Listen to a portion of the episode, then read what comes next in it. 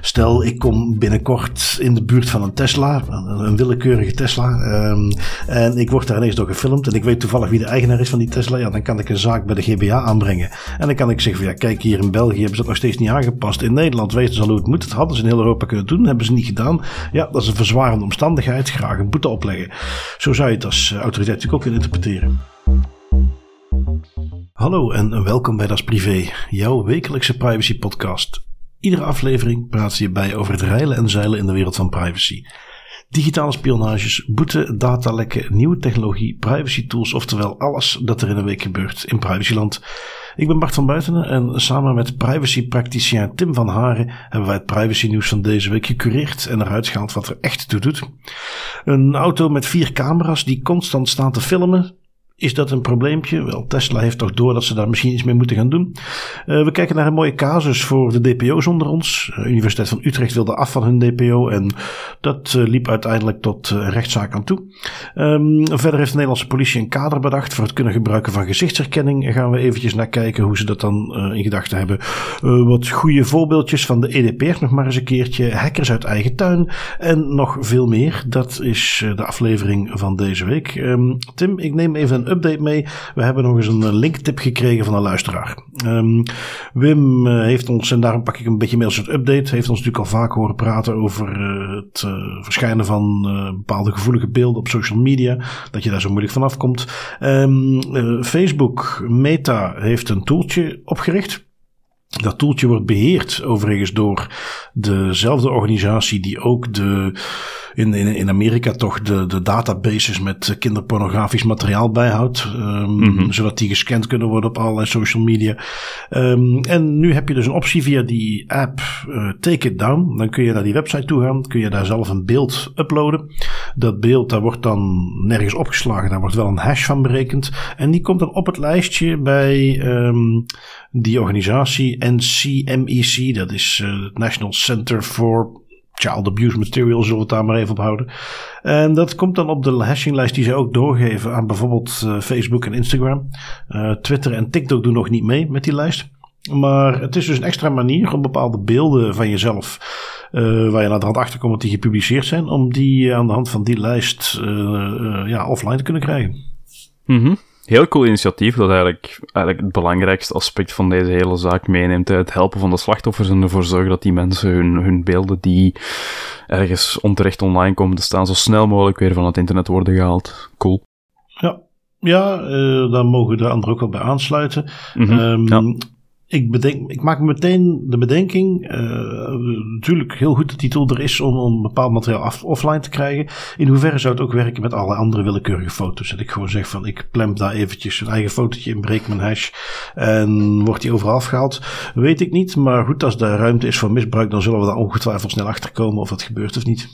Mm Ja, zeker iets wel interessant wel om mee in het achterhoofd te houden. En natuurlijk, ja, het verspreiden van dergelijke beelden gaat veel verder dan gewoon op social media, maar het is een mooie eerste stap natuurlijk. Nee, inderdaad. Goede eerste stap.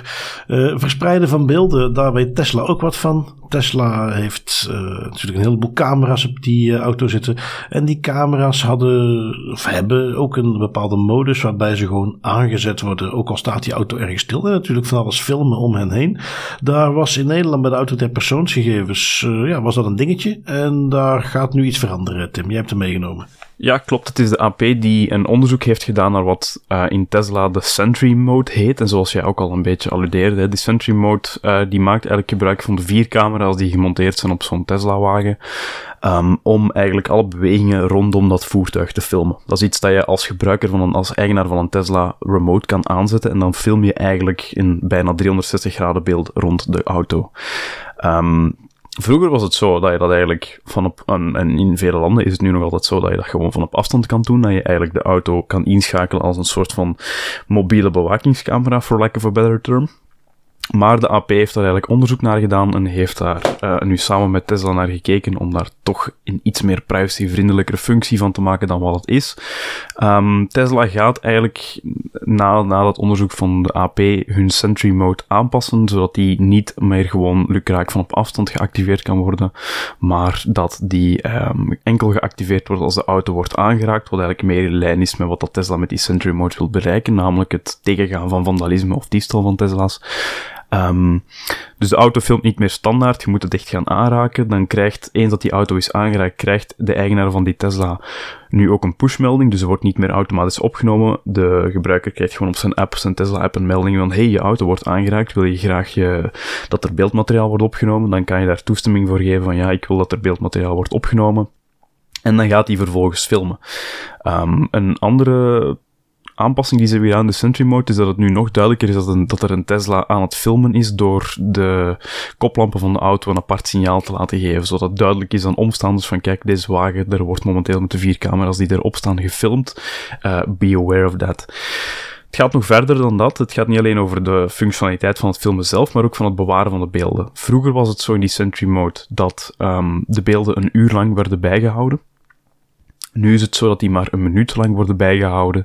Um, en de eigenaar van een Tesla kan dat maximaal verhogen naar 10 minuten. Dus dat, dat is ook significant ingeperkt um, in het teken van, van de privacy van, van omstaanders die misschien onterecht gefilmd werden door een Tesla die dan als een mobiel bewakingscamera ergens zat. Um, dat is interessant. Dat vind ik op zich heel positief van Tesla ook dat ze daar zo aan meewerken. Um, is natuurlijk ook weinig verrassend aangezien het Tesla hoofdkwartier van de Europese tak gevestigd is in Nederland. Dus ze hebben er alle baat bij om toch wel uh, een vriendschappelijke relatie te onderhouden met AP. Maar er was ook een interessante uh, conclusie van AP zelf als het ging over de verantwoordelijkheid van de verwerking van die beelden. Is dat nu Tesla um, die die modus aanbiedt, of is dat nu de eigenaar van die auto? En daar concludeert AP, misschien weinig verrassend, zeker voor de professionals onder ons, dat het niet Tesla is, maar de eigenaar van de auto die uh, de verwerkingsverantwoordelijke is, die dus bepaalt wat er gebeurt met die beelden. Um, en dat is een nuance die ze ook meegeven van ja, kijk, als, uh, als er overtredingen zouden plaatsvinden waarbij die beelden een, een, een deel uitmaken van de overtreding, ja, dan kan er een boete uitgegeven worden aan de eigenaar van de auto, niet aan Tesla zelf, omdat zij gewoon die technologie um, ter beschikking stellen. Dus dat is ja, toch wel interessant nieuws om mee te nemen. Ook wel leuk om eens te zien dat er effectief geluisterd wordt naar een onderzoek van de AP. Dat gebeurt niet altijd, dus in deze wel een toffe. Ja, ik heb me alles vaker, uh, als die Sentry Mode van die Tesla's voorbij kwam, ja, dat, dat, dat niet GDPR compliant was, dat was meteen wel duidelijk. Uh, maar wat ze dan kon doen om het aan te passen. Nou goed, dan zie je hier een aantal dingen die ze meenemen die, ja, die we vaker zien, maar hier dan toegepast in de autocontext. Bijvoorbeeld die Sentry Mode, niet meer automatisch bewaren, alleen op een speciale input van de gebruiker, niet zo lang bewaren. Um, wordt ook niet meer doorgestuurd naar Tesla.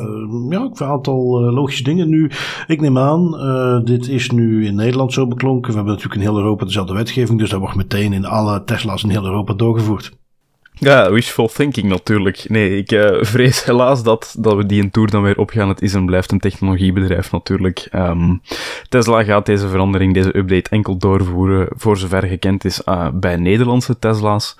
Al de rest van Europa, um, daar kan ik alleen van zeggen, ja, laat die autoriteiten maar ook eens een bezoekje brengen aan Tesla en dan gaan ze er hopelijk ook werk van maken. Het is een beetje jammer, hè, want het is wat je zegt, de, de, het, is een, het is een Europese wetgeving, dus als een autoriteit in Nederland dat zo interpreteert dat het privacyvriendelijker is om die bepaalde tweaks te gaan toepassen via een update, dan zou dat eigenlijk gewoon via heel Europa moeten gaan en niet land per land, want dat gaat ook uh, rechtstreeks in tegen een van de bestaansredenen van de GDPR-wetgeving, namelijk het harmoniseren van dat hele uh, privacy-beschermend landschap in Europa. Door elke keer weer dat, dat gefragmenteerd lappendeken boven te gaan halen en die aanpak te gaan voorzien, ja, dan, dan zijn we weer in aan het gaan tegen waar dat oorspronkelijk voor bedoeld was.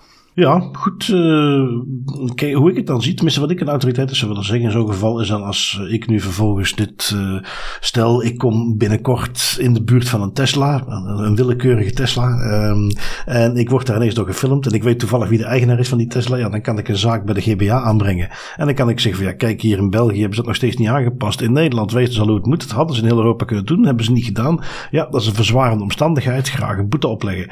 Zo zou je het als autoriteit natuurlijk ook kunnen interpreteren. Ja, het is uh, Misschien dat ik toch in het vervolg met de fiets naar u ga komen en niet met de Tesla die ik net heb gekocht. Dat, uh, dat verhaaltje begon net iets te specifiek te worden voor mij. Voor ja, ja, ja, ja, ja. nee, maar goed. Uh, wie weet dat ze het uit eigen initiatief nog eens gaan uitrollen. In ieder geval wel het, ook gewoon als, als referentiepunt. En om, om uh, ja, eens een keer van een autoriteit ook daar wat concreter advies mee te krijgen.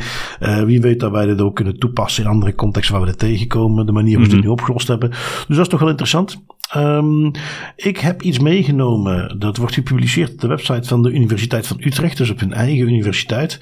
Um, en ik vond dat een interessant verhaaltje. Want het is iets waar we weinig van te zien krijgen vaak, maar waarvan ik weet dat het op heel veel plekken speelt.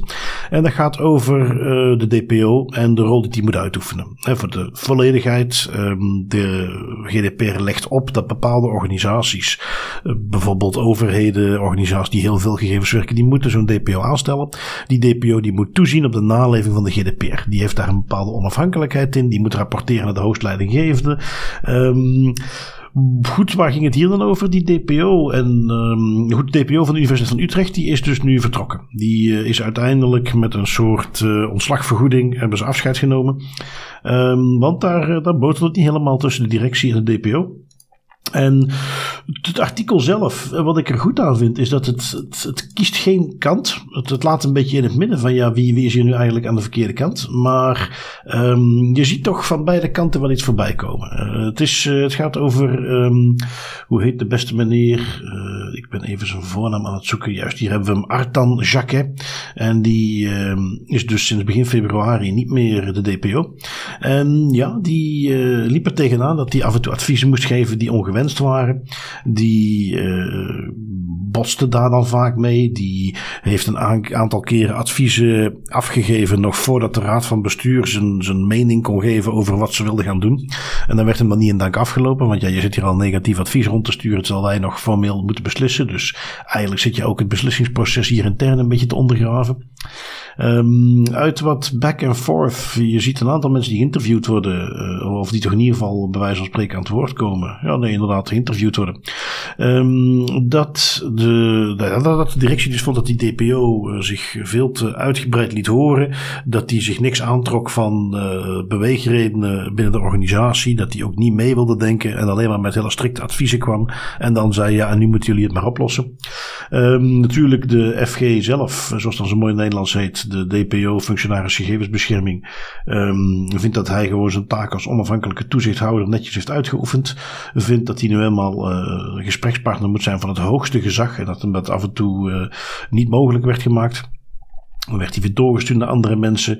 Um, ja, wat interessant vond, daar haal ik ook wel uit dat het toch echt wel een beetje van beide kanten kwam. Is um, dat hij tegen zichzelf zei, of over zichzelf zei: Ik ben een toezichthouder, geen fixer. Dus um, je hebt een probleem en wel op deze en deze redenen, maar dat ga ik niet voor je oplossen. Uh, dat was een beetje zijn insteek. Um, dus ja, ik, ik vond het interessant. Uh, uiteraard staat hij ook in de show notes als link. Maar het is hier voor het eerst dat we zien dat die discussie dus effectief tot bij een rechter komt. Nou, die heeft daar geen uitspraak over gedaan. Want ze zijn uiteindelijk in een soort middelijke schikking uh, besloten wat uh, de afscheidsregeling zou zijn. Um, maar ik kreeg het beeld van een DPO die, die toch wellicht um, iets te weinig bereid was om compromissen te sluiten. En die daar nogal hard tegenin ging. En, en op een gegeven moment de directie zo tegen de haren ingestreken heeft. Dat dat de voor de rest inhoudelijk correcte dingen wat die mee kwam, uh, ja, op, op oren vielen. Of toch in ieder geval niet meer opgepikt werden. Um, ja, ik vond dat een interessante saga, om dat zo eens uh, voorbij te zien komen. Ook een goed artikel eigenlijk. Ja, het is, uh, het is een vraag die, die ik, ook ik redelijk vaak krijg van ja, uh, wat als dat niet klikt met een DPO of, of ja, wat als, als er nu iets is waardoor we die DPO eigenlijk niet meer in dienst willen houden. Wat zijn dan de, de mogelijkheden om uh, ja, daar, daar om de wegen te laten scheiden? Want het is inderdaad een onafhankelijke functie die toch wel wat bescherming ook krijgt. En ik volg daar ook wel in wat jij hier zegt. Um, wat het voor een bedrijf soms lastig maakt en de, het vak van een DPO soms een, soort, een, slechte reputatie bezorgd is, de, de klassieke DPO says no. Waarin dat je adviezen krijgt en waarin dat je um, meningen krijgt van een DPO die, die helemaal ingaan tegen wat de bedrijfsvoering wilt. Wat dat ook logisch kan zijn natuurlijk, als het bedrijf bijvoorbeeld de wetgeving overtreedt of wilt gaan overtreden, dat de DPO dan zegt van, ho jongens, dit gaan we toch absoluut niet doen. Maar wat dan een belangrijk aspect is om niet te vergeten, en dat is, dat is voor mij cruciaal om als DPO goed te kunnen functioneren in een organisatie, is dat je constructief uh, kritiek geeft op, op zaken die de organisatie wilt gaan doen, of beleid, of, of ideeën die de directie heeft.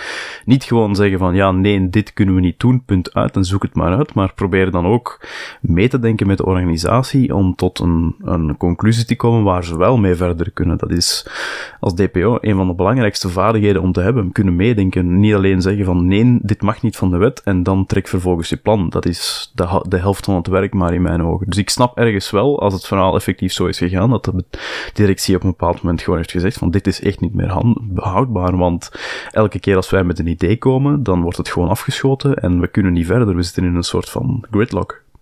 Wel, eh, en, en, dat is dus een, een, een quote van de, een van de directeurs. Uh, bovendien zijn er nog andere medewerkers binnen deze universiteit met kennis van privacybescherming. De FG gebruikte de wet soms als stok in plaats van als instrument, terwijl er simpele, pragmatische oplossingen mogelijk waren. Dat leidde hmm. tot irritatie en weerstand. En dat klinkt natuurlijk wel als, als de klassieke uitdaging die, die, uh, waar Jan DPO mee te maken heeft. Dat is mee gaan denken, niet alleen maar wat nee te zeggen, maar ook een oplossing te bedenken. Um, ja, gewoon een, een interessante zeker voor alle DPO's die luisteren, toch ja, nuttig om eens te lezen. Mm ik, ik zie hier duidelijk een voorbeeldje van het kan van beide kanten. Um, maar uh, ja, goed. Uh, nuttig achtergrondverhaaltje voor iedere DPO, denk ik zo. Mm Um, wat hebben we dan? Ja, uh, gezichtsherkenning en de politie. Uh, moeilijke combinatie, maar de Nederlandse politie heeft nu een soort uh, tien geboden bedacht waarmee het toch mogelijk zou moeten zijn. jij hebt ze bekeken, Tim. Wat heeft de god van de gezichtsherkenning ervan gemaakt? de god van de gezichtsherkenning. In dit geval wordt hij verpersoonlijkt door de Nederlandse minister van Justitie en Veiligheid. Die had, uh, de toenmalige minister van Justitie en Veiligheid, had in eind 2019 um, eigenlijk gesteld dat politie ja, gezichtsherkenningstechnologie uh, niet zomaar operationeel mag inzetten, maar dat er eigenlijk eerst um, aan bepaalde waarborgen gedacht moest worden um, en dat er een, zeker een, een soort ethische en juridische toets moest voor, moet zijn voorafgaan aan het plaatsen of het gebruiken van een gezichtsherkenningstechnologie. Allemaal dingen die wij natuurlijk ook kunnen toejuichen. Dat lijkt mij ook niet meer dan logisch dat je dergelijke potentiële gevaarlijke of um, uit de hand lopende technologie eerst gaat toetsen voor je dat gaat toepassen. Dus ze zijn daar van, vanaf 2019 een beetje over beginnen nadenken van oké, hoe kunnen we dit nu eigenlijk gaan toetsen wanneer dat gezichtsherkenningstechnologie uh, een nut heeft, proportioneel is tegenover de impact op de privacy van de, van de bevolking, van de mensen die ook meegefilmd worden. En hoe kunnen we dat nu eigenlijk allemaal gaan kaderen? Uh, dus naar aanleiding van die beslissing van die minister eind 2019 is de politie dan aan de slag gegaan om um, een kader te ontwikkelen dat moet voorzien specifiek in die juridische, ethische en technische toetsing, um, voorafgaand aan de operationele inzet van de gezichtsherkenning. En waar het dan vooral over gaat, is ja, de, de, als we het hebben over gezichtsherkenning die wordt ingezet, is de inzet van die technologie bij uh, opsporingsacties, uh, hulpverlening of handhaving van de openbare orde door de politie.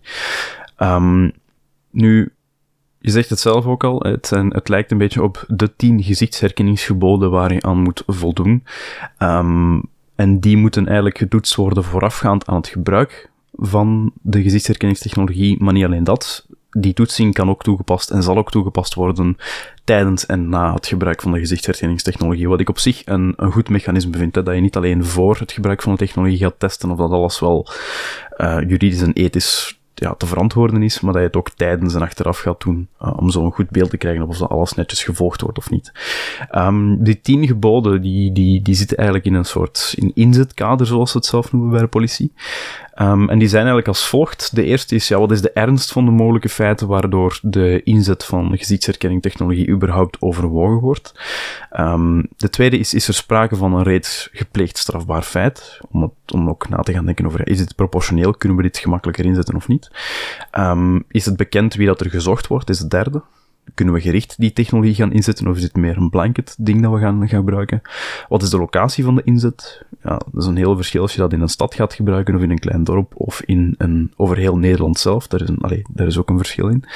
Um, wat is de duur van de inzet? Hoe lang duurt het? Wat zijn de alternatieven? van die gezichtsherkenningstechnologie? Is daarover nagedacht? Wat is de kwaliteit van de beelden die met behulp van gezichtsherkenningstechnologie wordt bekeken? En dan vervolgens, van wie is de camera, van wie is de camera die de beelden voor gebruik uh, van gezichtsherkenningstechnologie heeft gemaakt? Zijn dat beelden van de politie? Zijn dat beelden van particulieren? Um, wie kijkt er nog mee? Welke instanties krijgen daar toegang toe? En uiteindelijk een belangrijke vraag ook, welk gezichtsherkenningstechnologie systeem wordt er gebruikt voor het herkennen van een bepaald gezicht? Um, zijn tien, in mijn ogen, goede vragen, terechte vragen, um, die, ja, als ik het zo bekijk, een goede eerste basis vormen voor een inzetkader waarin dat gezichtsherkenningstechnologie in bepaalde edge cases proportioneel zou kunnen zijn en toegepast zou kunnen worden. Um, als we daarmee, als we er met zo'n, met zo'n kader voor zorgen dat we een beetje wegstappen van het idee dat het gewoon kan als de uitleg maar logisch genoeg is en dat men dat ook effectief gaat toetsen en ook daar heel kritisch naar gaat kijken, dan lijkt mij dat een een goede stap in de richting van die technologie te kunnen gebruiken voor valabele doeleinden. En het is ook wel nuttig om nog mee te geven dat het is niet de politie zelf die gaat kijken naar de toetsing van, dat, van die gezichtsherkenningtechnologie. Dat is een aparte entiteit die daarvoor wordt opgericht, die eigenlijk um, onafhankelijk van de politie moet gaan toetsen en die daar ook geen baat bij heeft of dat die gezichtsherkenningstechnologie überhaupt gebruikt wordt of niet. Ja, interessant. Um, het is wel een heel uh, polderige oplossing. Hè? Toetsingscommissie, ja. uh, korpschef die moet bekrachtigen. Uh, voor, tijdens, na. Um, ja, ik, ik, het klinkt als een proces wat misschien in de praktijk niet helemaal op die manier nageleefd gaat worden. Maar goed, dat is natuurlijk cynisch voordat het effectief wordt toegepast. Um, wel opvallend, maar daar, zag ik ook niet meteen van terugkomen. Dat is aan eind 2019 heeft men dat uh, aangegeven dat het moet er zijn. En we zijn dus nu anno 2023 is dat toetsingskader er eindelijk. Ja, ja, dus het is, het is traag, maar um, beter laat dan nooit, zou ik zeggen. Wat je wel op, ophaalt is een, ja, terecht punt. Um, in Nederland zijn er bepaalde andere instanties die wij ook al heel vaak hebben meegenomen in de podcast. Bijvoorbeeld de AIVD en de MIVD, die ook uh, normaal gezien onderhavig zijn aan een toetsingscommissie en die ook niet zomaar bepaalde acties kunnen uitvoeren zonder dat dat getoetst wordt en heel dat kader en heel dat proces is mooi uitgewerkt. En wat zie je dan vervolgens? Dat eigenlijk die instanties, die toetsingscommissie of die kaders gewoon bypassen, ermee wegkomen, pas jaren later op de vingers getikt worden. Dat is het gevaar dat hier ook bestaat. Het is inderdaad niet de meest elegante oplossing misschien, het is een polderig iets. Um, dus dat is ook ja, de, de caveat hier. Hè. Als men dit goed gaat toepassen en men volgt dat ook, en men tikt ook wel echt organisaties of delen van de politie op de vingers die dit niet doen en die daar niet in meegaan, dan kan dat werken. En dan lijkt me dat hoopvol voor de toekomst. Um, om het gebruik van gezichtsherkenningstechnologie in te perken, om dat kritisch bespreekbaar te maken en om daar, nadat er goed is over nagedacht, toch ja, in de, de inzet ervan te kunnen gaan goedkeuren in bepaalde gevallen. Lijken mij allemaal positieve dingen, beter dan hoe het nu loopt, maar het is natuurlijk afhankelijk, zoals altijd, van of men dat proces gaat volgen of niet. Ja. Ja, nou goed, in ieder geval, uh, daar moet je wel nageven. Er wordt aan gedacht, er wordt aan gewerkt, er wordt iets uitgewerkt. Uh, goed, nu volgt straks dan een evaluatie en uh, wellicht iets waar we ook eh, in België nog van kunnen leren. Um, ja, de European Data Protection Supervisor, de EDPS, die heeft al een paar keer uh, het goede voorbeeldje laten zien. Die uh, zijn al met hun videokanaal al overgestapt. Die hebben een Mastodon uh, instance geopend voor de Europese gemeenschap. instellingen die kunnen daar dan op actief zijn. En ze gaan nu nog een stapje verder. Je hebt hem meegenomen, Tim. Wat gaat de EDPS als volgende stap doen naar hun meer EU-georiënteerde softwaregebruik? Um, wel, wat ze in mijn ogen nu aan het doen zijn, is ze zijn op zoek naar een EU en, en ook privacyvriendelijk alternatief voor het Office pakket van Microsoft. Um, en hoe doen zij dat? Wel, zij zijn een, een pilot gestart, ze hebben een contract aangegaan met Nextcloud en LibreOffice. Um, LibreOffice Online specifiek. een soort van open source variant van de gebruikelijke tekstverwerkers zoals een Word. Uh, PowerPoint en Excel en zo. Dat zit er allemaal in. En zij gaan die software nu eigenlijk zelf inzetten om bestanden uit te wisselen, berichten te versturen, te werken aan documenten, te videobellen. Kortom, eigenlijk alles wat je verwacht voor een klassieke Office pakket uh, van Microsoft zelf. Maar nog meer dan dat, ze gaan het niet alleen zelf gebruiken in die pilots, ze gaan het ook aanbieden aan uh, alle EU-instellingen, organen en agentschappen die daar deel van, willen, deel van willen uitmaken. Dus eigenlijk bieden ze die instituten van de Europese Unie nu een waardig alternatief aan en ondersteunen dat ook um, om niet meer gebruik te gaan maken van toepassingen zoals Microsoft Office, Word, PowerPoint, Excel, maar om daar eigenlijk met een privacyvriendelijker en, en volledig 100% Europees gehost alternatief te gaan werken, om toch iets minder afhankelijk te worden van die Amerikaanse big tech bedrijven waar we altijd over hekelen. Dat is cool. Ik vind dat een heel mooi ding. En wat ik daar vooral ook fijn aan vind, is stel dat dit een succesverhaal wordt, um, en we kijken eventjes naar de long term, naar de toekomst. Ja, je moet je eens voorstellen, een toekomst waarin dat instituten zoals de Europese Unie elk jaar een smak geld blijven smijten tegenover de Nextcloud en de LibreOffice, waardoor dat die veel meer kunnen gaan ontwikkelen, waardoor het die op den duur echt uh, op, op gelijk niveau potentieel kunnen gaan spelen met de Microsoft Office. Niet alleen in Europese instituten waar het nu als pilot draait en waar het nu eigenlijk ondersteund wordt, maar ook gewoon in heel Europa. Dat men op, op den duur dat echt gaat overwegen als een alternatief voor Microsoft Office. Lijkt me een, een coole zet van de EDPS. Ja, absoluut. Want dat is een beetje het, het idee waar je dan vaak bij blijft hangen. Hè? Stel je toch eens voor dat uh, al dat geld wat wij de afgelopen jaren uh, zelf hebben uitgegeven door Microsoft te sponsoren, door uh, al de, de, de, klassieke big tech te sponsoren, als dat nou eens helemaal in het begin gewoon was uitgegeven aan dat soort open source initiatieven, ja, dan hadden we binnen Europa gewoon lekker onafhankelijk hele mooie office suites die wij konden gebruiken.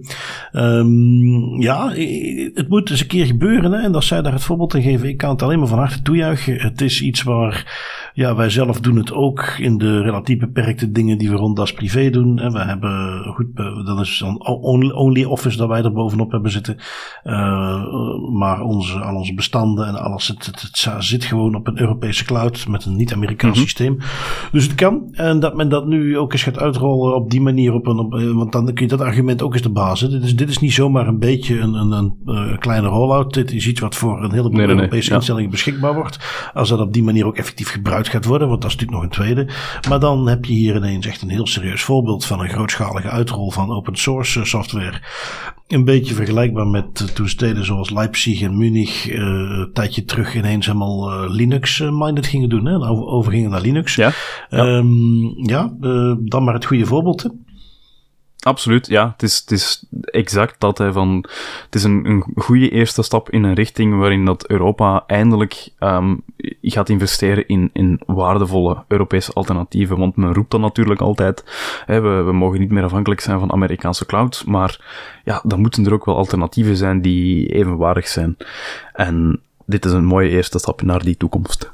Ja, nee, heel mooi om te zien. Heel mooi om te zien. Ik ben ook heel benieuwd met wat voor dingen er nog gaan komen. Het lijstje met ja. open source uh, opties is, is niet bepaald klein. Dus, uh, en um, ja, hier zie je ook weer. Zij zijn in de gelegenheid om zo'n platform grootschalig genoeg op te zetten. Om dat ook breed beschikbaar te maken.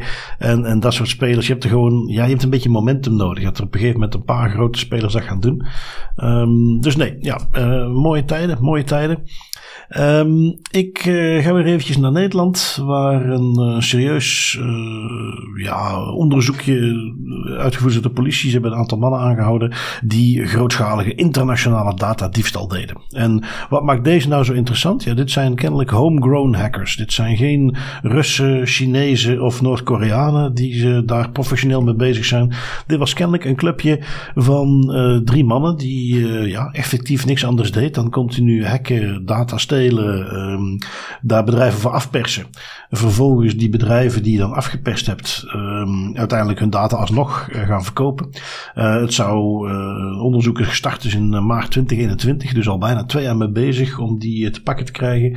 Um, en ja, ze schatten in dat het om tientallen miljoenen privacygevoelige persoonsgegevens gaat die bij die criminelen binnen zijn gekomen. Uh, naar losgeld toe moet je denken aan tussen de 100.000 en uitziet naar 700.000 euro waar ze die bedrijven voor afpesten. Um, een van de personen die ze opgepakt hebben, die um, hebben een inschatting gemaakt van wat ze dachten dat hij verdiend zou hebben met zijn uh, activiteiten de afgelopen jaren.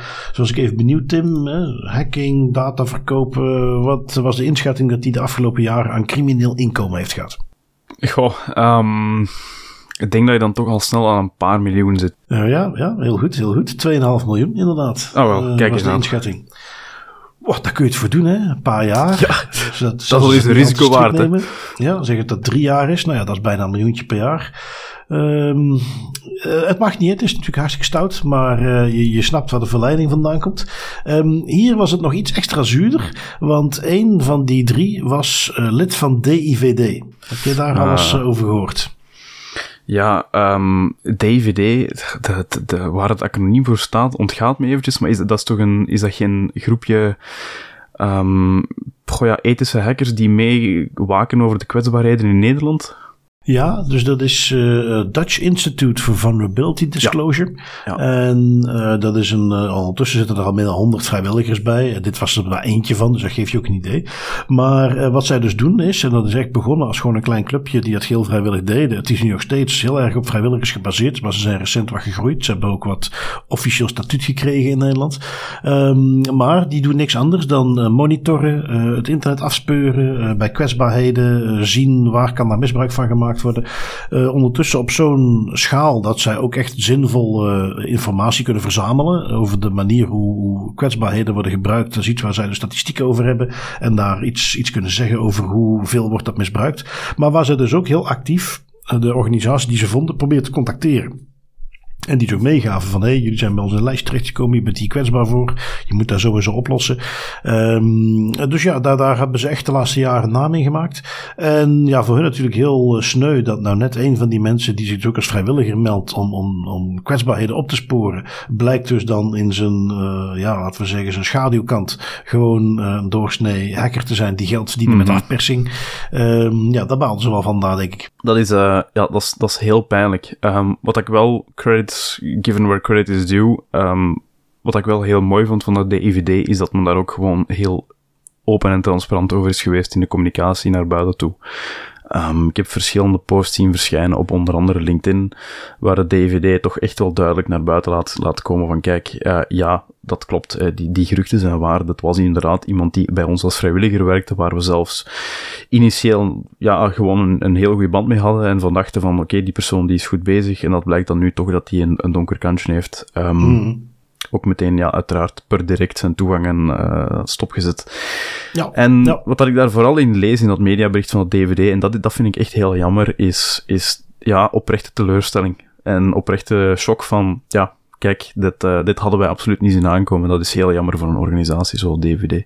Nee, inderdaad. Uh, waarschijnlijk, en mogelijk dat ze daar van tevoren al over nagedacht hadden, maar iets wat, wat misschien onontkoombaar was. Hè. Als je daar, je werkt met vrijwilligers, dan zit ook geen hele uitgebreide screening zal daarbij zitten. En dan, ja, dan ga je er sowieso een paar tussen hebben zitten.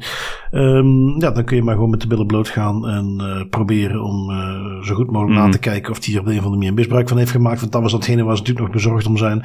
DVD heeft dus vanwege het werk dat ze doen ontzettend grote overzichten van organisaties die kwetsbaar zijn. Dus ja. dat, is, uh, dat zou het nog extra zuurder maken. Maar goed, er was op dit moment hadden ze er niks van gevonden.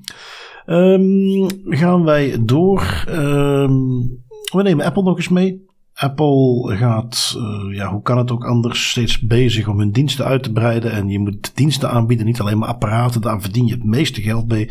En een van de diensten die ze dan uh, daar gaan koppelen is weer een beetje financieren. Apple Pay Later creativiteit ontbrak ze een keer kennelijk. um, maar goed, daar gaan ze natuurlijk ook weer allerlei gegevens mee verzamelen. En dat is iets waar jij een artikeltje van tweakers.net had meegenomen, Tim. Ja, klopt. Het Apple Pay Later systeem, wat aanvankelijk alleen uiteraard in de VS zal uitkomen, uh, I wonder why, dat is onderdeel van de meer overkoepelende Wallet app. Um, het Apple Pay systeem, dat je onder andere op iPhones kan vinden. Um, en wat dat eigenlijk moet doen, wat dat de naam ook al een klein beetje doet vermoeden, is het geeft gebruikers de mogelijkheid om via Apple Pay zaken aan te schaffen online via de App Store, um, waarbij dan het initiële aankoopbedrag wordt opgesplitst in vier gelijke delen, die dan in de komende zes weken afgelost moeten worden. Het is een soort van microkredietachtig systeem zonder rente. Dus het is wel interessant um, voor mensen die rentes willen vermijden. Nu, die dienst, ja, die um, maakt gebruik van het Mastercard-netwerk, zoals, zoals, ook de, de Apple Pay-diensten daar gebruik van maken. Um, vergt verder geen integratie van verkopers. De transactiegeschiedenis zelf van die Apple Pay Later systemen wordt opgeslagen bij Goldman Sachs, die fungeert als bank en Mastercard. Om privacyredenen zeggen ze zelf, die geschiedenis dus niet bij Apple worden opgeslagen, wat in eerste opzicht wel goed lijkt. Maar er is een keerzijde aan de medaille. En dat is namelijk Apple, het is een, het is een soort van microkredietverlenend systeem. Apple Pay Later, dus ja, Apple, Apple wil natuurlijk ook wel inzicht krijgen in hoe kredietwaardig iemand is en of iemand effectief wel die, die kleine schuld dan uh, kan inlossen in de komende zes weken als ze dat bedrag gaan splitsen over vier gelijke delen. En dan komen we een klein beetje in de vaarwater van een nieuw bedrijfje dat Apple heeft opgericht, namelijk Apple Financing LLC. En dat bedrijfje moet zich specifiek gaan bezighouden met aanvragen, leningen en kredietgoedkeuringen. En eigenlijk komen we daar dus op het moment dat Apple um, ja, een, een oordeel gaat vellen zelf over de kredietwaardigheid van hun gebruikers. En daar dus ook inzicht in krijgt in die informatie die ze nodig hebben om die kredietwaardigheid te kunnen gaan bepalen. Hè. Dat, dat gaat dan over um, onder andere zouden leners geëvalueerd worden op basis van hun eerdere bestelgeschiedenis via Apple Pay. Um, wat dan kan, dat kan gaan om allerlei bestellingen in de App Store of via online uh, webshops. Um, er wordt ook gekeken naar of de klant van Apple Pay Later bepaalde Apple hardware heeft. Blijkbaar zegt dat ook iets over hoe creditworthy jij bent om een Apple Pay Later klant te worden. Um, verder kijkt Apple ook nog naar, heb je een Apple Card, kredietkaart, um, heb je andere diensten waar, je, waar ze gebruik van maken, om eigenlijk zo ja, een, een, beeld te genereren. En het is, het is niet de eerste, Google doet dat ook al. Google heeft ook een soort eigen financieel betalingssysteempje opgericht. Apple is de volgende. En dat is een soort trend die ik zie, dat, dat allemaal van die big tech organisaties zich meer en meer beginnen te mengen in de financiële sector en hun eigen betaalinstelling bedrijfjes aan het oprichten zijn. Eh, het is waar je ziet dat eh, Apple, Meta, Google een, een, niet te stille honger hebben naar het volgende domein waar ze op uit kunnen breiden. En mhm. Apple heeft daar heel erg op ingezet aan de health kant, met de Apple Watch, de health functies, de, de health hub die in het ecosysteem zit. Google uh, voelde die bel hangen, zit daar nu ook, heeft daar ook op ingezet, heeft Fitbit wat is dat? Anderhalf jaar geleden hebben ze Fitbit overgenomen. Ja, dus zetten ze ook heel erg op die healthkant in. Uh, en ja, goed, uh, finance is gewoon weer de volgende. Um, nu gaan ze een beetje bankje spelen met microkredieten. Uh, voor je het weet gaan ze ook nog wat, komt er Apple Bank als volgende app. En is dat in de context van PSD2, die wetgeving die het banken verplicht om data door te geven aan privépartijen die zich ertussen zetten. Budget-appjes of dat soort dingen. Ja, dan gaat Apple ook zoiets leveren. En je ziet gewoon dat het een, een non-stop honger is naar zoveel mogelijk data over je gebruikers. En waar ik bij Apple, wat, wat toch, ja, bedoel, ik heb het al eerder benoemd, hè, waar, dat ik me wat zorgen daarover begin te maken.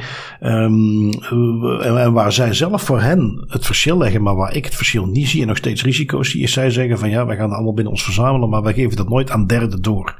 En net zoals dat ze zeiden van ja, wij tracken niet, wij, wij houden alleen maar in de gaten wat je op de Apple Store doet en uh, wat je daar hebt mm -hmm. aangeklikt, en, maar dat houden we allemaal intern. Hè. Dus voor hun is het geen tracking en dus waarschijnlijk ook geen, geen profilering uh, op het moment dat ze het allemaal intern houden. En met al die soort initiatieven zie ik gewoon dat Apple, net zoals in Google, net zoals in Facebook, op een gegeven moment een, een, ook een, niet alleen een, een moloch wordt met gigantisch veel geld vanwege de hardware die ze verkocht hebben, maar ook vanwege alle data die ze verzameld hebben. Um, ja, de, de, uh, het verleden heeft uitgewezen dat dat de kat op het spek binden is. Dan vroeg of laat gaan ze die data misbruiken. Ja, misbruiken of verliezen, of dan gebeuren er dingen mee die absoluut niet mogen. Hè. Dat, is, dat is een beetje het probleem. Het is hoe, hoe hoe verder we gaan met die big tech bedrijven, hoe meer ik um, zo vergelijkingen begin te zien met, met het Chinese model van, van one ecosystem fits all, met daarin, uh, ja, wat is dat bij, bij China? Ik denk dat dat de, de, de Weibo-ecosysteem is tegenwoordig, of WeChat inderdaad, uh, waarin dat je tegelijkertijd aan dating kan doen, dat is een social media kanaal, je kunt daar eten bestellen, je kunt er aan banking doen. Ik begin zo wat gelijkaardige dingen te zien met, met onder andere Apple nu, dat ze een, een financieel instellingsbedrijf hebben opgericht. Allee, ja, het is, het is de vraag op den duur van wat is het volgende? Hè? Ik weet zeker dat die, onze westerse bedrijfjes daar kwijlend naar kijken. Facebook, ja, ja, natuurlijk. Facebook voelt zijn relevantie afnemen. Ze hebben de boot gemist in de zin dat ze helemaal geen telefoon of hardware hebben. Uh, eh, VR zoals zij het doen, hè, zeker met de metaverse, lijkt het ook nog niet te doen. Maar daar zie je, de hele metaverse is voor hun een push om, om, om, om meer aspecten binnen te komen. En Mhm. om alles dan via de metaverse funnel te leiden. Hè, want ongetwijfeld dat, begint met, dat je daar begint met werken. Maar voor je het weet, zul je misschien daar ook skins kunnen kopen. eh, zodat je er anders uit kunt zien. of zul je daar ook eh, helemaal... NFT's. eh, ja, NFT's en, en, en je, je, je metaverse huis inrichten. Ik bedoel, laat het ze maar over om daar genoeg dingen in te verzinnen waar ze geld uit kunnen slaan.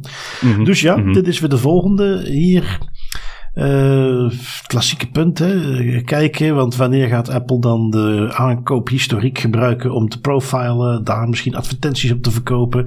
En nog steeds allemaal onder het mom van, ja, maar wij verkopen je data niet door, hoor. Maar ondertussen eh word je helemaal suf geprofileerd. Ehm, ja, het past in de trend die we eigenlijk al, al een jaar, anderhalf jaar zien. Hè? En, en, en waar ik binnenkort met de laatste update kom op mijn experimentje met overstappen naar de Graphene OS phone. Wat daar wel en niet aan werkt. eh, en welke lessen eruit te leren zijn. Maar ehm, ja, toch iets eh, om eh, op te volgen. Ehm, als we dan toch bezig zijn over Big Tech, die zich probeert overal binnen te wurmen, dan heb ik nog een nieuwe voor je meegenomen, Tim. Ehm, Google heeft weer de volgende manier gevonden om zich toch wat meer in de, de autowereld te wurmen. Ehm, Apple is nog steeds bezig, naar het schijnt, met een, een autoproduct. Ehm, een, een zelfrijdend voertuig of wat ook mogen zijn. Eh, ook hier, Google is ook met zijn eigen zelfsturende auto's bezig geweest. Dat is het ook niet geworden. Ehm, nu hebben ze dan een andere manier om er toch nog in te komen en om lekker aan die autodata te komen. En dat is dat ze, ja, dit voorbeeldje is een samenwerking met Mercedes-Benz. En Mercedes-Benz heeft nu namelijk besloten, weet je wat, die eigen navigatie van ons, daar zit eigenlijk niemand nog op te wachten. Wij gaan gewoon Google Maps één op één integreren. Ehm, de omschrijving die ze eraan geven is, eh, het systeem moet informatie van Google combineren met het gevoel van Mercedes. Ja, Dus ja, dat, dat, dat gaat het dan krijgen. Maar het betekent dus wel gewoon dat straks in jouw Mercedes, op het moment dat je daar wegrijdt, je hebt je dingen aangemaakt en je begint rond te karren, ja, dan zitten dus al die gegevens ook ineens bij Google weer. ja ehm, wat kan ik zeggen? Het is, het is de laatste weken nogal een beetje schering en inslag geweest bij Mercedes. Want niet alleen zijn ze bezig met Google Maps te integreren, maar ze hebben ook, denk dat het vijf of zes dagen geleden was nog maar pas aangekondigd dat ze ook TikTok willen, willen integreren in hun eh entertainment systemen. Ik weet niet wie dat er daar in de privacy-inbreuk Kool-Aid zit te drinken daar bij Mercedes, maar get off that man, want het is echt wel uit de hand aan het lopen. Het is heel vreemd wat ze daar eigenlijk bij Mercedes aan het doen zijn. Het is de ene na de andere integratie waar ik van denk van, kijk, allee, het is geen smartphone, hè, dat hoeft echt niet. Ja, en dat je Google Play of dat je, of sorry, we zeggen nou Google Play, eh, Android Car of Android Auto of zo ondersteunt en dan CarPlay voor iOS. Voilà, Dat is dan tuurlijk. één ding, hè? Ja, dat is dan nog één ding. Ehm, en, en op die manier komt het ook bij Google terecht. Maar ik vind dat toch nog weer iets anders dan dat ze weer ook eh, in dat echt het systeem van die auto zitten. Want daar zit nog heel veel meer data waar ze tot nu toe nog niet aankonden. Exact. Misschien dat ze dat En- netjes gaan afschermen, misschien niet. Ehm, Eh, ik heb eh, Ja. misschien eh, een beetje cynisch, maar ik vrees er een klein beetje voor. En ik moet ook toegeven, ja, inderdaad zo, eh, de, de Apple CarPlay of dan het equivalent van Android, waar ik de naam niet van ken, om dat dan te gaan aanbieden in een auto is op zich niet slecht in mijn ogen. Allee, dat is minder slecht, want je, daar leg je tenminste nog een klein beetje de keuze bij de gebruiker. Als morgen iedereen eh, die een nieuwe Mercedes koopt gebruik gaat maken van die Google navigatie, of misschien is het gewoon een Mercedes navigatie waar dat dan Google achterliggend op draait, ja, nee, dan, dan, dat is weer een klein beetje de keuze die weggenomen wordt bij de gebruiker om iets anders te gaan gebruiken dan Google. Stel als ze dat zouden willen, voor welke reden dan ook. Dat hoeft zelfs geen privacy-reden te zijn, maar het is een kwestie van keuzes maken en op dat vlak vind ik het belangrijk dat die keuze bij de gebruiker blijft liggen. Ja, ja nee, absoluut. Ehm, waar dan eh, men in de privésector ondertussen bezig lijkt om nog zoveel mogelijk van dat soort privacy-invasieve bedrijfjes te integreren in hun tech-stack, zijn ze op andere plekken weer wanhopig bezig om met allerlei verbodsbepalingen dingen buiten de deur te houden. Ehm, de, hoog op de lijst van allerlei eh, organisaties en overheden is nu natuurlijk TikTok. Klopt, klopt. En het is ondertussen al bijna echt een, een vaste rubriek geworden in de afleveringen dat we elke keer het weer hebben over een of ander instituut of een organisatie die TikTok verband voor zijn medewerkers. Nu hebben we er weer twee meegenomen. De anti-TikTok-trein die dendert eigenlijk gewoon stevig voort. De eerste is de Europese Commissie. Die heeft het gebruik van de TikTok-app ehm, op telefoons en persoonlijke apparaten van personeel die gebruikt worden voor hun mobile device service. Ehm, ja, niet illegaal bij wijze van spreken, maar ze hebben het verboden. Ze hebben gezegd tegen hun medewerkers van kijk jongens, in het kader van de veiligheid en cybersecurity dreigingen willen we niet dat jullie nog TikTok dragen op jullie smartphones en op jullie toestellen graag verwijderen, anders zullen er gevolgen aan gegeven worden. Um, en de tweede, niet de minste ook, uh, Canada heeft paar dagen, denk zelfs gisteren nog, vorige maandag voor de mensen die de aflevering beluisteren volgende week, um, heeft Canada eigenlijk beslist dat zij ook TikTok willen verbannen van alle medewerker, van alle toestellen van overheidsmedewerkers van de Canadese overheid. Het is de zoveelste in het rijtje. Het is in verschillende Amerikaanse staten al aan de gang. Er is een voorstel van een federale wetgeving om dat te verbieden. Um, in, in Nederland is men er ook heel erg mee aan het spelen om TikTok te verbannen. In België zijn er ook een aantal gesprekken om dat te verbannen. Het is ja, het, begint een beetje een sneeuwbal te worden, vind ik. En dan vind ik het wel heel grappig dat tegelijkertijd een bedrijf zoals Mercedes doodleuk zegt van hé hey jongens, kijk, we gaan TikTok integreren in onze wagen. Dat is een klein beetje dubbel. Ja, ik moet wel zeggen, ik krijg hier een heel uh, sterk gevoel van een beetje een overdreven reflex. Uh, waar men een, een beetje copycat gedrag toont. Oh, ga jij gaan ja, nou, dan gaan wij het ook maar doen. Nou, dan gaan wij het ook ja. maar doen. Um, misschien om te beginnen heel, heel basic, maar want het gaat natuurlijk altijd om, om, om overheidstoestellen. De Europese Commissie gaat om Europese Commissie toestellen. In Canada gaat het over uh, overheid van Canada toestellen. Um, maar waarom zit daar überhaupt inderdaad TikTok of, of zelfs Twitter of zelfs uh, Facebook, alles. Facebook. Ik bedoel, LinkedIn zou je à la limiet nog kunnen verdedigen, maar voor de rest, waarom is die policy überhaupt niet dat geen van die dingen erop komt? Um, en mhm. nog een hele list andere appjes. Dus uh, ik vind dat het heel logisch is dat als je als, als werkgever, of het nu een overheid is of niet, uh, daar is misschien nog wat gevoeliger, maar dat je als werkgever zegt: deze dingen wel, deze dingen niet. Um, maar die focus nu op TikTok is toch, ja, dat is dan waarschijnlijk gewoon vanwege het Chinese vlaggetje wat er ergens boven hangt. Ja, ja, absoluut. Het is, het is absoluut niet omdat ze zo bekommerd zijn om de privacy van, van hun uh, personeel of, of ja, cybersecurity dreigingen zou ik ergens nog wel kunnen verstaan natuurlijk. Het is en blijft China en dat, dat er is nu eenmaal een beetje die cybersecurity scare die aan de gang is bij China. Maar inderdaad, tegelijkertijd zit je dan, laten we dan wel nog toe dat er bepaalde andere applicaties van westerse makelij draaien op van die overheidstelefoons, waar ik ook van zou zeggen van kijk, dat is ook, dat vormt zijn eigen risico. Um, denk daar dus ook eens kritisch over na. Ga niet gewoon mee op de TikTok bandwagon. Doe dat gerust. Hè. Blijf dat vooral doen. Maar denk breder dan TikTok. Ja, precies dat. Precies dat. Um, even zien, wat hebben we nog? Ja, deze. Uh, ik, ik, had hem ergens een tijdje geleden ook al gespot. Maar ik heb hem toen, misschien dat wij toen in de show geen tijd hadden. Maar ik vind het heel goed dat je hem nou weer opgepikt hebt, Tim. Um, er is een. Um, ja, in Albanië heeft men toch wel een hele bijzondere ontdekking gedaan. Ik zei, weet je wat? Jij mag hem, uh, jij mag hem uitleggen. Maar ik, ik vind het toch wel heel bijzonder. ik zal het kort houden, dan kan je er inderdaad nog wat op ingaan. Um, maar het is inderdaad, de Albanese politie heeft een, een uh, bijzondere ontdekking gedaan. Zij werden bekeken door uh, bewakingscamera's.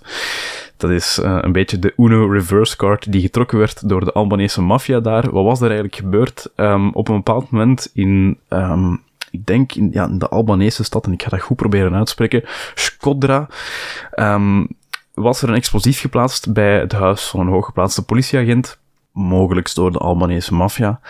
Um, en dat, dat explosief dat is tot ontploffing gebracht. Um, dat, was, dat heeft een redelijk letterlijk en figuurlijk een schokgolf gecreëerd bij de Albanese politie. En dat um, heeft er eigenlijk voor gezorgd dat er een onderzoek is gestart naar iets wat zij al langer vermoeden, namelijk dat zij in de gaten werden gehouden.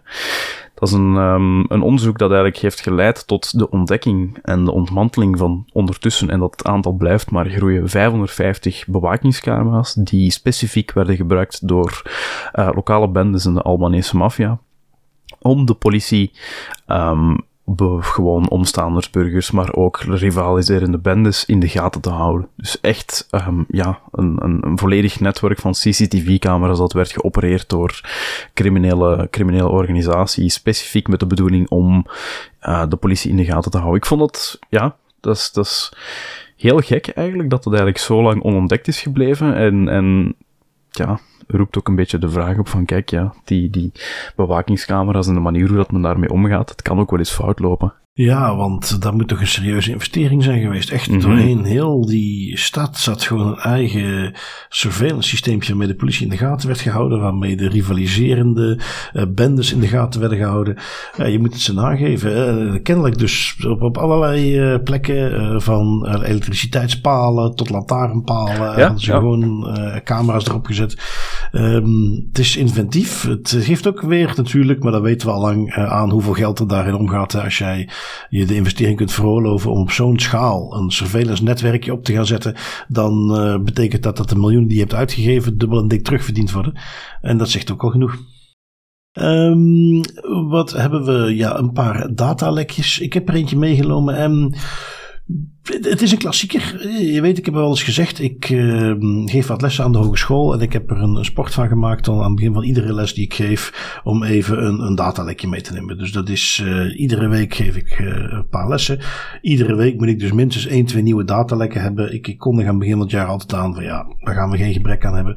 En er zijn zo een paar dingen die daar steeds eh, terugkomen. Ehm, eentje, en, en dat is dan waarom ik deze nu meepak, omdat ik had verwacht dat het op dat niveau toch niet meer kon gebeuren. Eentje die je daar ook nog heel vaak van mij moet horen, dan is een datalek waarbij er een database gewoon open en bloot op het internet stond.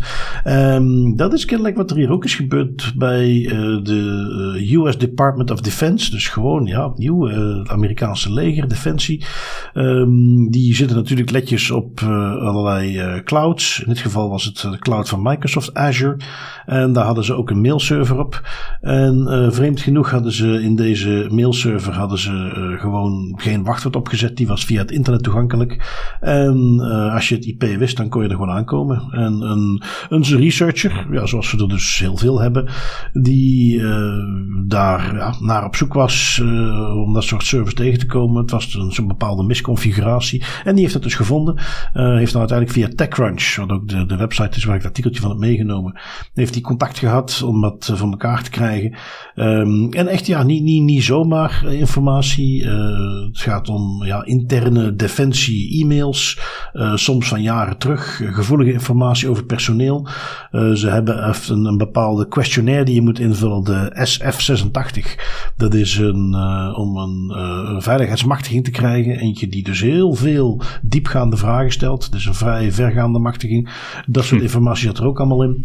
Het deed eventjes terugdenken aan iets waar de Chinezen op een gegeven moment een keer actief naar op zoek waren geweest in 2015. Toen hadden zij ook een, een, een, eh, een hack gedaan bij het HR-systeem van de eh, Amerikaanse overheid. Ehm, ja, toen moesten ze nog moeite in stoppen, maar nu hadden we dus een voorbeeldje waar het gewoon van heel berg militairen de gegevens open en bloot stonden. Dus ja, dat kan tellen als een datalekje. Ja, en dan, ja, het is misschien een, een gemakkelijke steek om nu te geven, maar dan vraagt men zich op den duur wel af van, ja, hoe komt het dan eigenlijk dat er zo weinig vertrouwen nog is in de overheid of in bepaalde overheidsinstanties? Als we kijken naar dit soort, nu mag ik het denk ik wel zeggen, allemaal 2023, amateuristische datalekken, dat dit nog voorkomt bij het Amerikaans leger en dan effectief met zo'n gevoelige data, is uh, niet anders dan schandalig te noemen en zou eigenlijk gewoon echt niet meer mogen plaatsvinden. Zeker niet bij een organisatie van dat formaat. Nee, nee, nee, absoluut. Weinig uh, tegenin te brengen.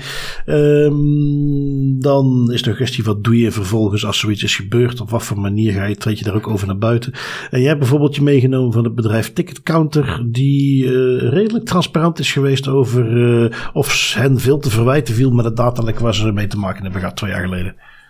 Ja, ik vond dat uh, inderdaad een, een mooie om, niet mee, om, om zeker nog mee te nemen. Um, wat het eigenlijk gebeurde in 2021 was dat er op een bepaald moment een backup, eigenlijk gelijkaardig aan het incident dat jij hier zegt, hè, er was een backup van het bedrijf Ticketcounter dat door een fout op het internet voor iedereen toegankelijk was, dus die data was publiek. Classic. Het is toevallig dat we het eigenlijk apart hebben meegenomen, maar here we are. En um, ja, dat is uiteindelijk ook ergens terechtgekomen in handen gevallen van, uh, van mensen met kwaadaardige bedoelingen, van hackers. En die hackers die dreigden dan vervolgens om de gestolen gegevens openbaar te maken, tenzij het bedrijf zou betalen. Um, dat bedrijf heeft, voor zover ik weet, niet betaald en die gegevens zijn ook effectief gelekt. Um, nu, in dat artikel, en ik weet niet of dat het hetzelfde mensen zijn waar we het eerder over hadden, maar in het artikel staat dat de politie bekend heeft gemaakt dat er in een zaak drie verdachten zijn aangehouden die worden verdacht van het stelen van miljoenen persoonsgegevens. Dat moet wel. Dus dat is, dat, ja, ja, ja. dat zal te toevallig zijn dat het niet diezelfde drie mensen zouden zijn.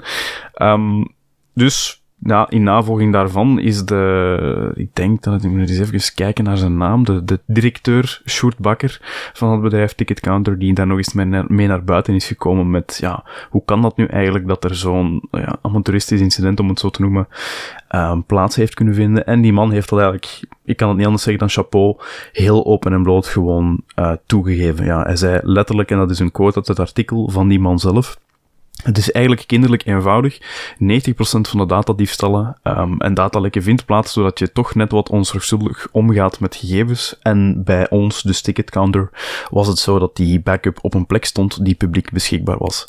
Hadden ze daar een wachtwoord op gezet, dan was het nooit gebeurd, of is de kans kleiner. Wees je bewust van de data, zodra een computer is gekoppeld aan het internet, is die kwetsbaar. Dus ze geven daar eigenlijk gewoon echt open en bloot toe.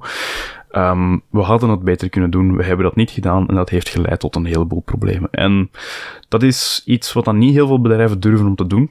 En ik kan dat alleen maar appreciëren. Dat is niet makkelijk. Dat is, ja, dat kan uw bedrijf veel geld kosten om zo'n uitspraak te maken. Maar uh, het is wel altijd heel mooi om te zien.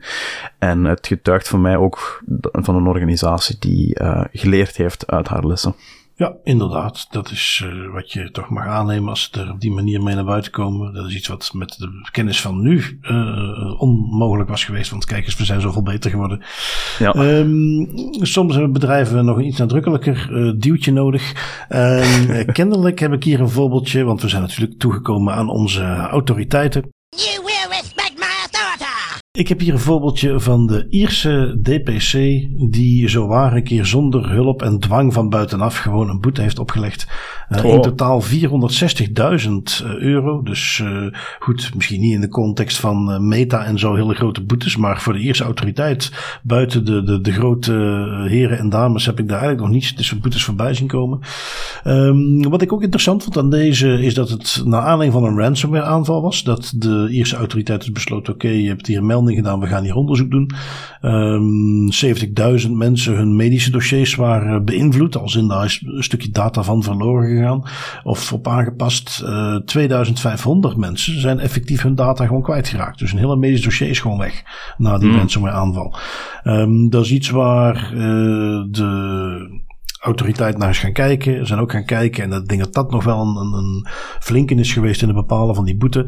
Hoe dat dan gelopen is. Want dit bedrijf, een van de dingen die uit naar voren komt, is dat het bedrijf dus eerst zelf heeft geprobeerd van alles te backuppen. Of sorry, te restoren van een backup. Dat is niet gelukt. Hebben vervolgens alsnog het ransom ook betaald. Hebben dan ook een sleutel gekregen om te ontsleutelen. Maar de data was verloren gegaan. Want ze die hadden die ondertussen zelf overschreven toen ze die backups hadden geprobeerd terug te zetten. Oh. Um, omdat ze hun backup systeem ook niet goed hadden ingeregeld, uh, was ook heel veel van die data uh, niet terug te zetten, want dat was ook geïnfecteerd. En het backup systeem wat niet geïnfecteerd was, was dan weer niet betrouwbaar genoeg. Um, we spreken, daar moet je ze dan ook wel weer nageven. Dit is een, een zaak waar ze al in 2019 uh, mee te maken hebben gehad, december 2019. Um, ehm, uiteindelijk, dus DPC heeft daar wat later onderzoek naar gedaan, maar dus toch ook weer jarenlang hiermee bezig geweest. Um, en ja, een paar interessante dingen dus. effectief gewoon uiteindelijk data verloren. Uh, voornamelijk DPC die naar een datalek daar op onderzoek uitgaat. Uh, de, de, omstandigheden bekijkt en dus ook concludeert dat uh, naast het feit dat ze de gegevens niet voldoende beveiligd hebben, ze ook niet genoeg konden laten zien dat ze maatregelen genomen hadden. Het excuus van het bedrijf was van ja, maar alle logs die laten zien dat wij de patches geïnstalleerd hadden en dat alles oké was. Ja, laten die nu ook net verwijderd zijn. Dus dat kunnen we ook niet meer laten zien. Um, nou ja, goed, dan zei de DPC, daar zijn we dan niet heel erg gevoelig voor. En ja, lang verhaal kort, zo krijg je een boete van 460.000 euro. Ja, niet meer dan terecht ook. Hè. Een, hele hoop dingen die hier mis zijn gegaan. En het bewijst eigenlijk ook nog maar eens dat um, er heel goed moet over nagedacht worden voordat je overgaat tot de beslissing om een ransomware binnen te betalen, om dan eigenlijk een decryptiesleutel te krijgen. Er zijn heel veel aspecten dat eraan verbonden zijn om het wel of niet te doen. Um, ik denk dat er nooit een blanket statement gemaakt kan worden van doe het absoluut wel of doe het absoluut niet. Er moet altijd goed over nagedacht worden. Maar ja, een van de dingen waar ik dan ook moet over nadenken is, hebben wij eigenlijk wel, eh, onze systemen wel zo goed op orde dat wij dingen goed kunnen gaan restoren, of hebben we het gewoon al zelf zoveel verplutst dat het bijna geen zin meer heeft om het te, om het te gaan doen? Ja, nee, precies, precies. Um, wat hebben we nog van autoriteiten? Ja, um, de EDPB die heeft uh, een heel aantal van hun guidelines die al een tijdje open stonden, hebben ze nu finaal gepubliceerd. Ze hebben altijd zo'n EDPB, de, de, de, de, de board waar alle gegevensbeschermingsautoriteiten uit Europa samenkomen. Die bedenken dan vaak allerlei uh, richtlijnen die ze meegeven hoe je de GDPR concreet moet toepassen. Nou, zo hadden ze drie openstaan waar je als publiek reactie op kon geven en dan kloppen ze die normaal af. Nou, deze stonden al heel lang open. Normaal gezien is er maar iets van zes weken. Maar goed, die zijn dus nu afgeklopt.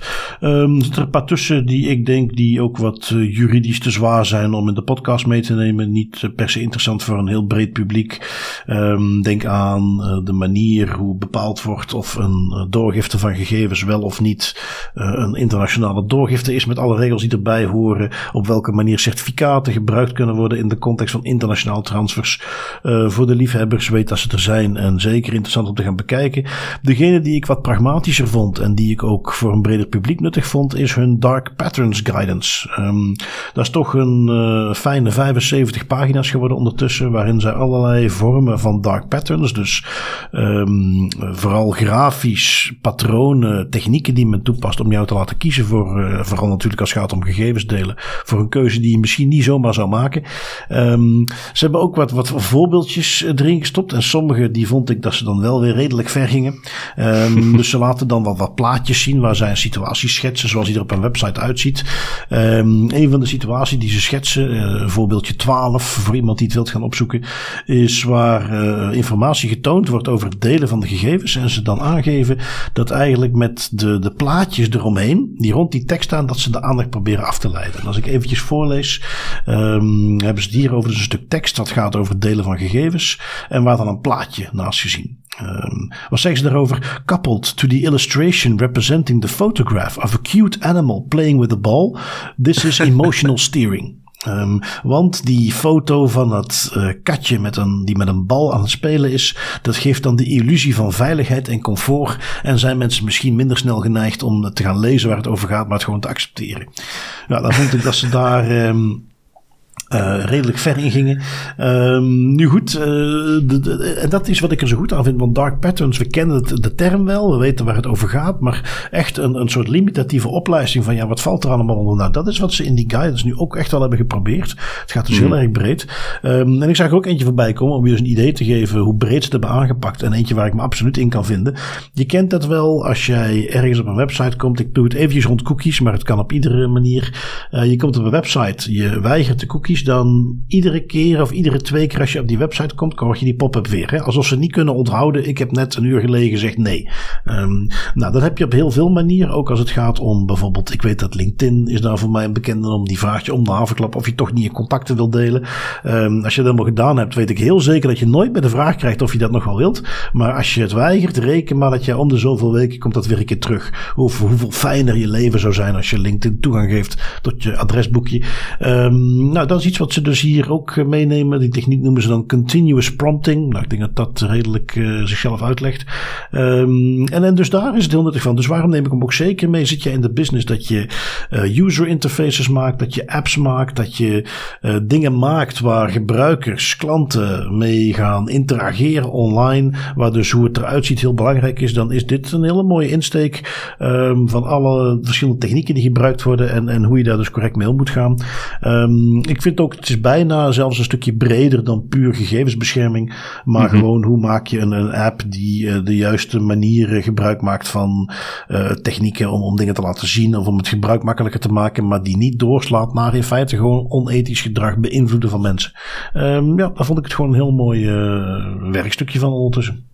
Ja, ik vind het vooral ook cool, omdat, in, zoals je zelf al zegt, het gaat breder dan privacy. Het is, het is eigenlijk ook een stukje zo user experience, psychology en hoe dat je mensen kan sturen om bepaalde beslissingen te maken in een applicatie, of net niet de beslissing te maken. Dat, uh, ik denk dat ze dat zich daar wel heel hard mee geamuseerd hebben om die, die cases en die scenario's uit te denken. I know I would. Dat is heel ja. cool. Ja, ja, absoluut, absoluut. Ja, dus heel interessant om er eens bij te pakken. Um, dan hebben wij nog wat privacy pointers. Ik zie Tim dat jij nog eens een keer een boektip meeneemt.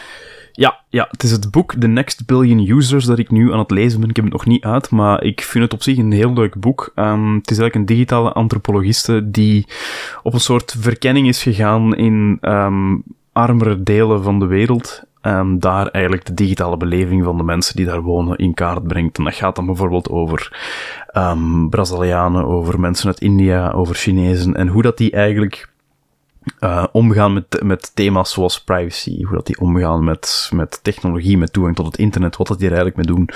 En ik vind dat een heel cool boek, omdat dat eigenlijk een, een soort ja, licht schijnt op vaak een, een, een blinde vlek of een donkere hoek van, van wat dat wij zien als de digitale samenleving. Als we het daarover hebben, gaat het vaak over uh, de mensen in het Westen die hun smartphones in hun handen en hun iPads in hun rugzak hebben, maar ja, er zijn zeer veel mensen die gebruik maken van het internet en die daarop zitten en die ook een eigen ervaring hebben van privacy, uh, die buiten beeld blijven. Dus ik vind dat een goed boek daarvoor. Oké, interessant.